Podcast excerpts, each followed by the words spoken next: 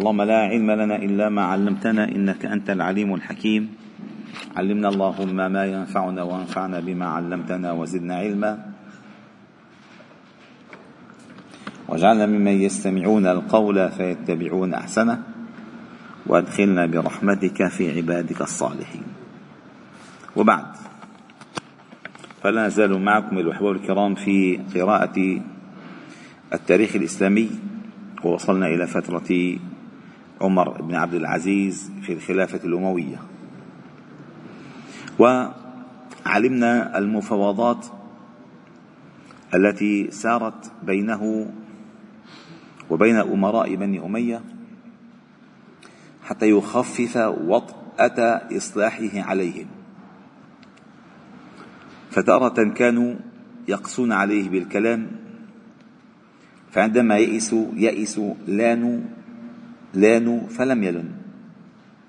ثم أرسلوا إليه عمته فاطمة بنت مروان التي كانت لا تحجب عن الأمراء ولا الخلفاء. فعندما حدثته وحدثها وسمعت منه وسمع منها عادت إلى بني أمية وقالت لهم مقولتها المشهورة أنتم فعلتم هذا بأنفسكم. تزوجتم بأولاد عمر بن الخطاب فجاء يشبه جده فسكتوا. وبدأ يرد المظالم في الولايات وأول أمر فعله عزل جميع الولاة والحكام الظالمين. لأن عم بيغطوا بيغطوا الورشة. تلغى كلها. سبحان الله. و ومنهم خالد بن الريان وصاحب حرس سليمان بن عبد الملك الذي كان يضرب كل عنق أمره سليمان بضربها. وعين محله أو محله عمرو بن مهاجر الأنصاري فقال عمر بن عبد العزيز يا خالد ضع هذا السيف عنك.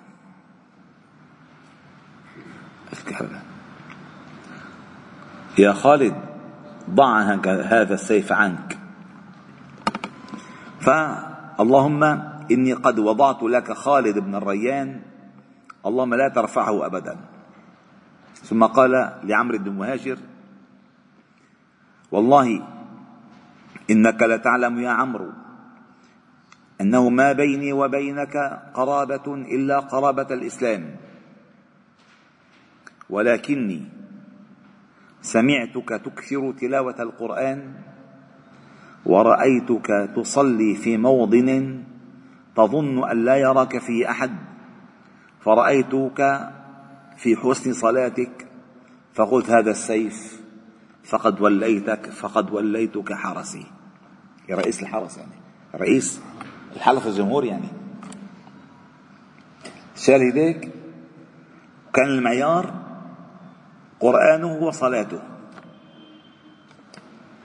هذا كان المعيار.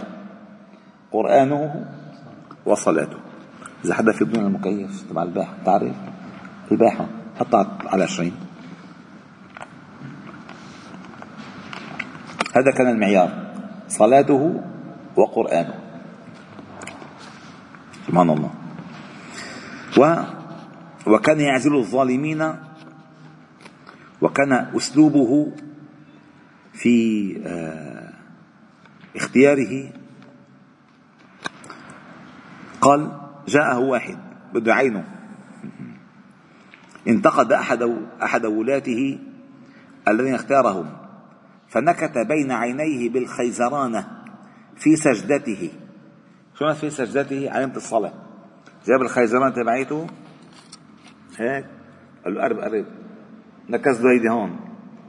قال له هذه غرتني منك. فكرتك ادمي قال له هذه غرتني منك. الإنسان ما يغتر بالمظاهر أيها الأحباب الكرام. والله مهما كان في مظاهر إذا ما عملته ما عاشرته ما اختلفت معه حتى ترى كيف كيف كيف كانت تكون غضبته وكيف تكون فيئته. ما بتعرفوا كل التمثيل هذا ما له قيمة قال هذه غرتني منك. سبحان الله. كحشه الله الله. ثم وبدأ برفع المظالم عن الموالي العبيد وأهل, وأهل الذمة كذلك. ثم كان عبد الملك في عهده زاد جزية أهل أهل أهل قبرص قبرص. فأعاد عمر إلى ما كان العهد الأول في عهد معاوية. فكتير انبسطوا. سبحان الله العدل الله بحبه عدل يا أخي العدل. سبحان الله.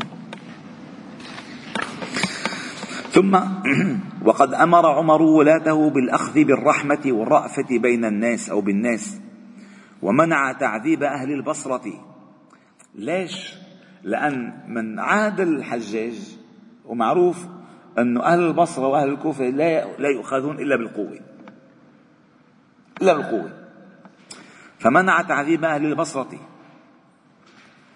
و أرسل إليه عامله على البصرة عدي بن أرطأ يقول إن أناسا قبلنا لا يؤدون ما عليه من الخراج حتى يمسهم شيء من العذاب أي من الضرب.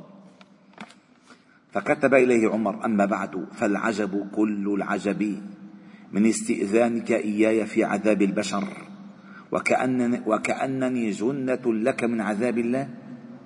وكأن رضاي ينجيك من سخط الله. إذا أتاك كتابي هذا فمن أعطاك فاقبله عفوا وإلا فأحلفه فوالله لأن يلقوا الله بخياناتهم. أحب إلي من أن ألقاه بعذابهم. لأن قاعدة هنا قاعدة. الخطأ بالعفو خير من الخطأ بالعقوبة. إذا أخطأت وعفوت عنه وهو مخطئ خطأك لعفوه خطأك بعفوه عنك خير من خطأك بعقوبتك عليه. الخطأ بالعفو أفضل من الخطأ بالعقوبة. فأخذوا على الظاهر قال يا أخي قال فإذا أتاك كتابي هذا فمن أعطاك فاقبل. فوالله لأن يلقوا الله بخياناتهم أحب إلي أن ألقاه بعذابهم. والسلام. وأرجع عمر بن عبد العزيز. اسمعوا يا أهل الكتاب في العالم. وأرجع عمر بن عبد العزيز إلى أهل الذمة كل أرض أو كنيسة أو بيت اغتصب منهم بغير رضاهم. سبحان الله. الله أكبر. ورد كل شيء فانتشرت السكينة والطمأنينة والهدوء بين الناس جميعا. خلاص الكل مطمن الكل مطمن.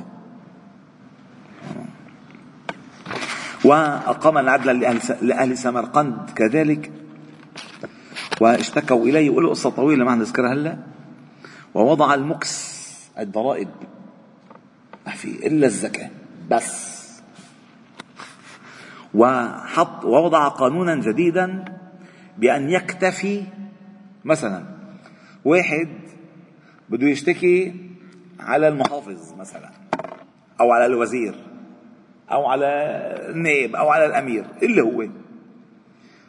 حتى يجيب أدلة يدينه بده كتير لما مسك كل شيء ديك فعمل قانون يكتفي بأصغر بينة عليه. بس أصغر بينة بياخذوا بالظلم بالعقوبة دغري. فقال اكتفى باليسير من البينات في رد المظالم. لأن البينة القاطعة يستحيل المظلوم أن يأتي بها ولا ما كان ظلم. فأي ريحة من شم أنه كان مظلوم وقال له آه، حق ولو جاب ربع بينة نقبل منه. سبحان الله. و الله أكبر. اسمعوا ماذا آه، فعل. وقرر عمر بن عبد العزيز رد المظالم التي في بيوت المال المظالم وإخراج زكاته. اعتبر أنه اللي من الأمراء لمنهم حقهم فهو رد عمل له إحصاء ادى عليه زكاة طلع زكاته. اي والله؟ الله ثم أرسل إليه بعض ولاته قائلا إن مدينتنا قد خربت. يعني بدها بدها تصليح كثير فإن يرى أمير المؤمنين أن يقطع لنا مالا نرممها به فعل. بري ببعث لنا ميزانية خصوصي مشان نحسن ال downtown اللي عندنا. لأن الحلو الحلو الموضوع أنه بتلاقي أحيانا اللافاجات أستاذ همام بيقعدوا بيكسروا بالمعرض بيشيلوا قطعة كلينكس ومناطق الشيء ما بيفوتوا عليها. ما بيفوتوا عليها. فماذا قال له عمر؟ فكتب إليه عمر أما بعد قد فهمت كتابك وما ذكرت أن مدينتكم قد خربت. فإذا قرأت كتابي فحصن مدينتك بالعدل ونق طرقها من الظلم فإنه ترميمها. والسلام.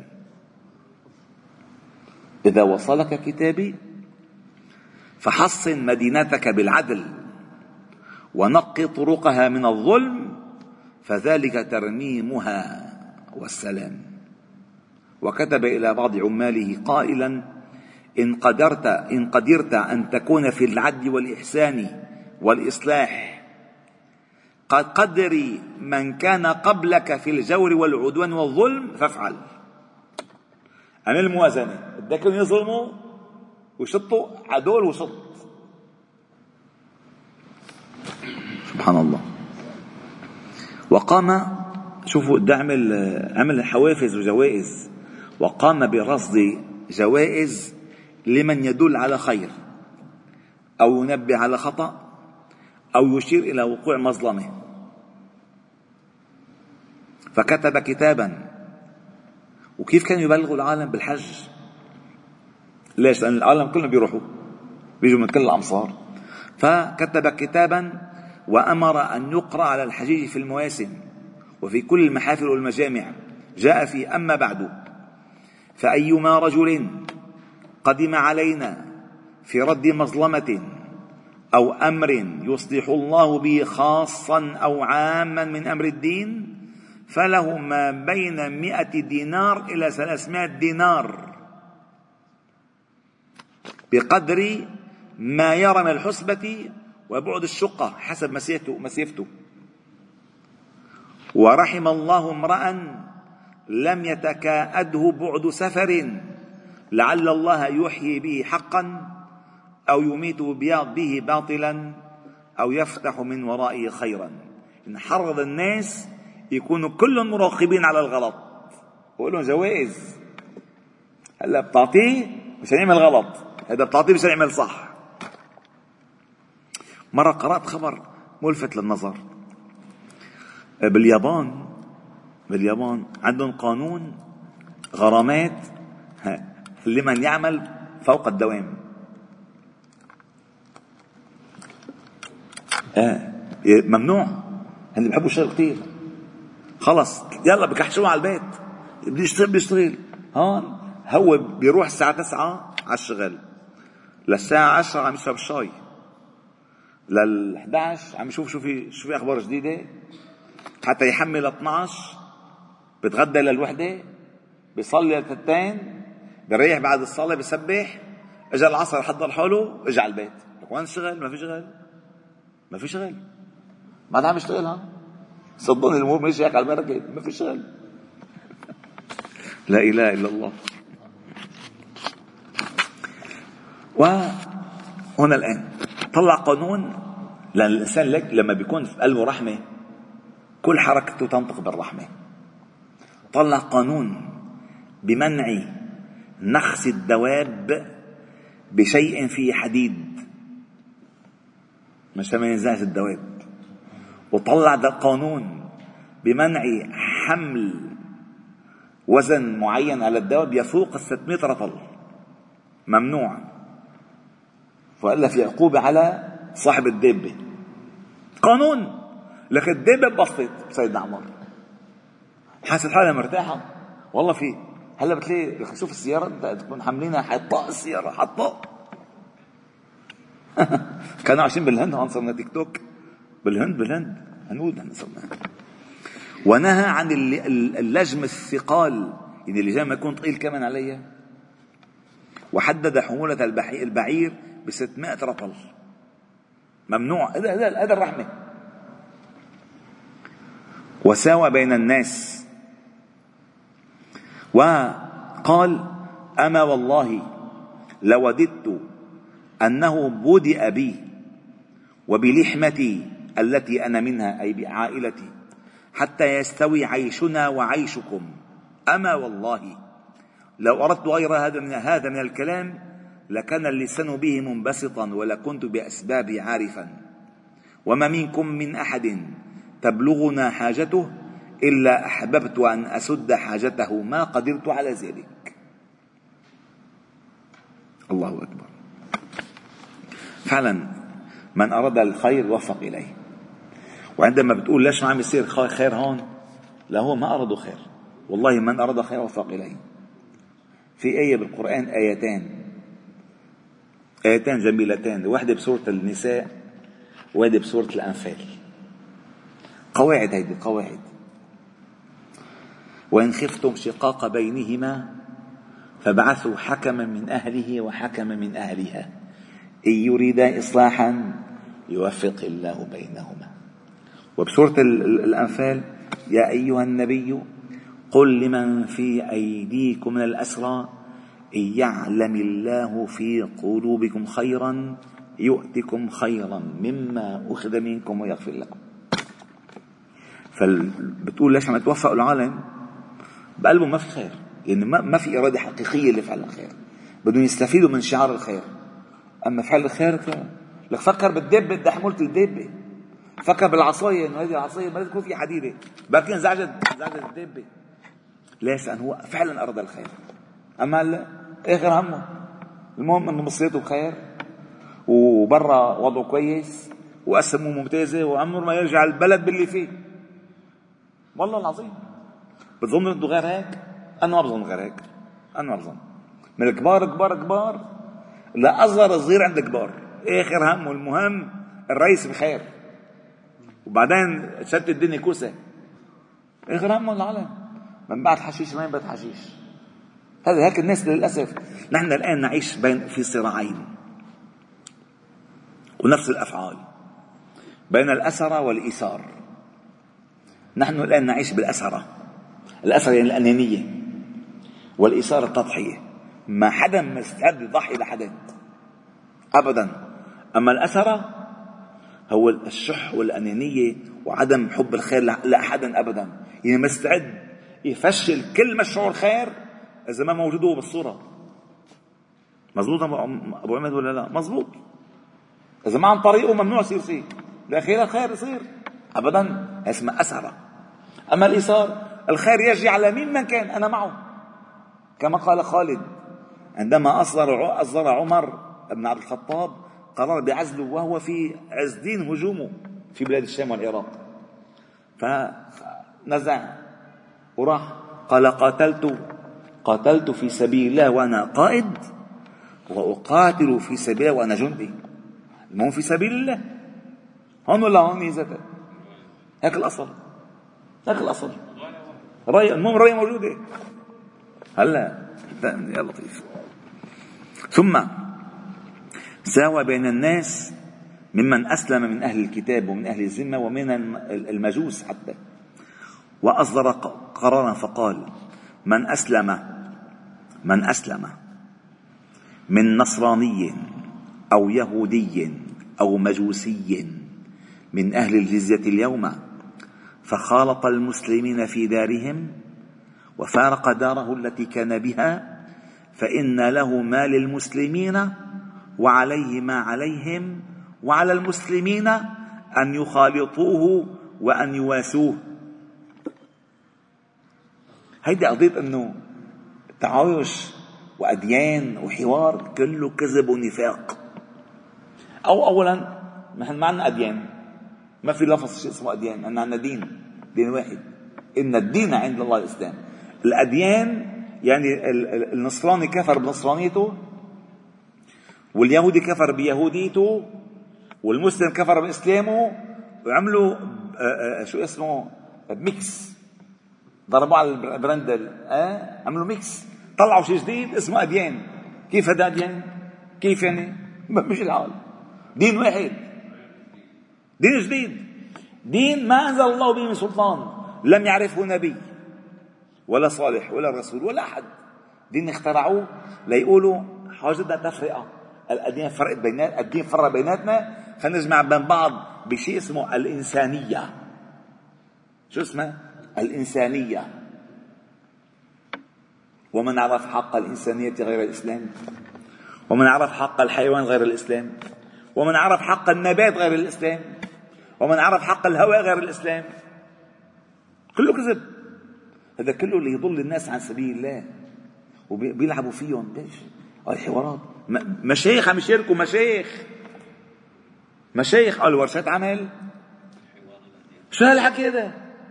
الحوار قد إنه مثلا مثلا بعيد عنا تعنا جلسه حوار تمثيلية. مثلا واحد هذا مسيحي وهذا درزي وهذا شيعي وهذا مسلم يعني سني. وها آه، أول شيء نحن كنا على خطأ. تعال نعمل شيء يجمع بيناتنا مثل ما قال الشاعر. سلام على كفر يوحد بيننا واهلا وسهلا بعده بجهنم شو هالحكي هذا؟ شو هالحكي هذا؟ دين دين الله ما سمعنا بصوت العشر ماذا قال الله تعالى؟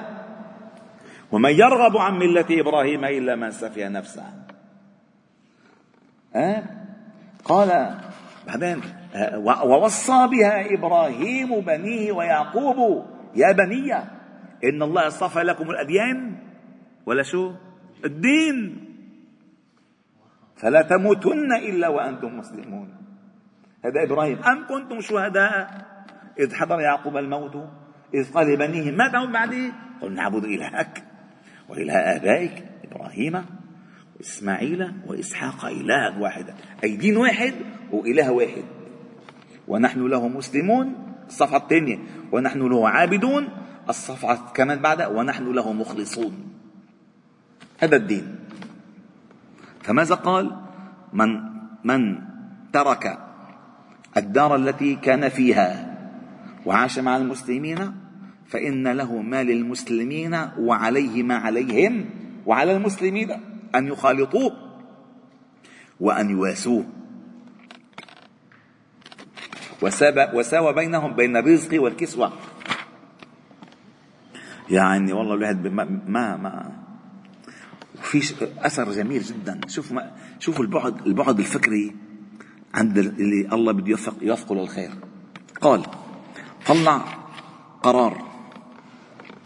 سمع سمع أنه في قصاص ووعاظ بالمساجد وخطباء يخصون أناسا بالدعاء والصلاة عليهم من الأمراء والولاة فكتب إلى أمير في الجزيرة يقول قد بلغني أن أناسا من القصاص قد أحدثوا صلاة على أمرائهم أي دعاء صلاة على أمرائهم. عدلة يعني مثل عدلة ما يصلوا على النبي صلى الله عليه وسلم. فإذا جاءك كتابي هذا فمر القصاص فليجعلوا صلاتهم على النبي صلى الله عليه وسلم خاصة وليكن دعاؤهم للمؤمنين والمسلمين عامة. من غير ما يسموا مثلا اللهم صل على محمد وكذا بعدين كمان بارك لنا بكذا. لا يا أخي بدك تعم المسلمين وتخص النبي. ما تعمل حدا عدله مع النبي صلى الله عليه وسلم حاشا. لا يذكر على المنبر مع النبي حد أحد أبدا. أبدا. طلع قرار. قال وصلني. وصلني أن أناسا من القصاص قد أحدثوا صلاة على أمرائهم. بده يتقرب بده يتقرب له عدل ما يصلوا على النبي صلى الله عليه وسلم. فإذا جاءك كتابي هذا فمر القصاص فليجعلوا صلاتهم على النبي صلى الله عليه وسلم خاصة. ودعاء المسلمين عامة. يعني والحمد لله رب العالمين. سبحانك وبحمدك أشهد أن لا إله إلا أنت نستغفر إليك وصلي وسلم وبارك على محمد وعلى آله وصحبه أجمعين.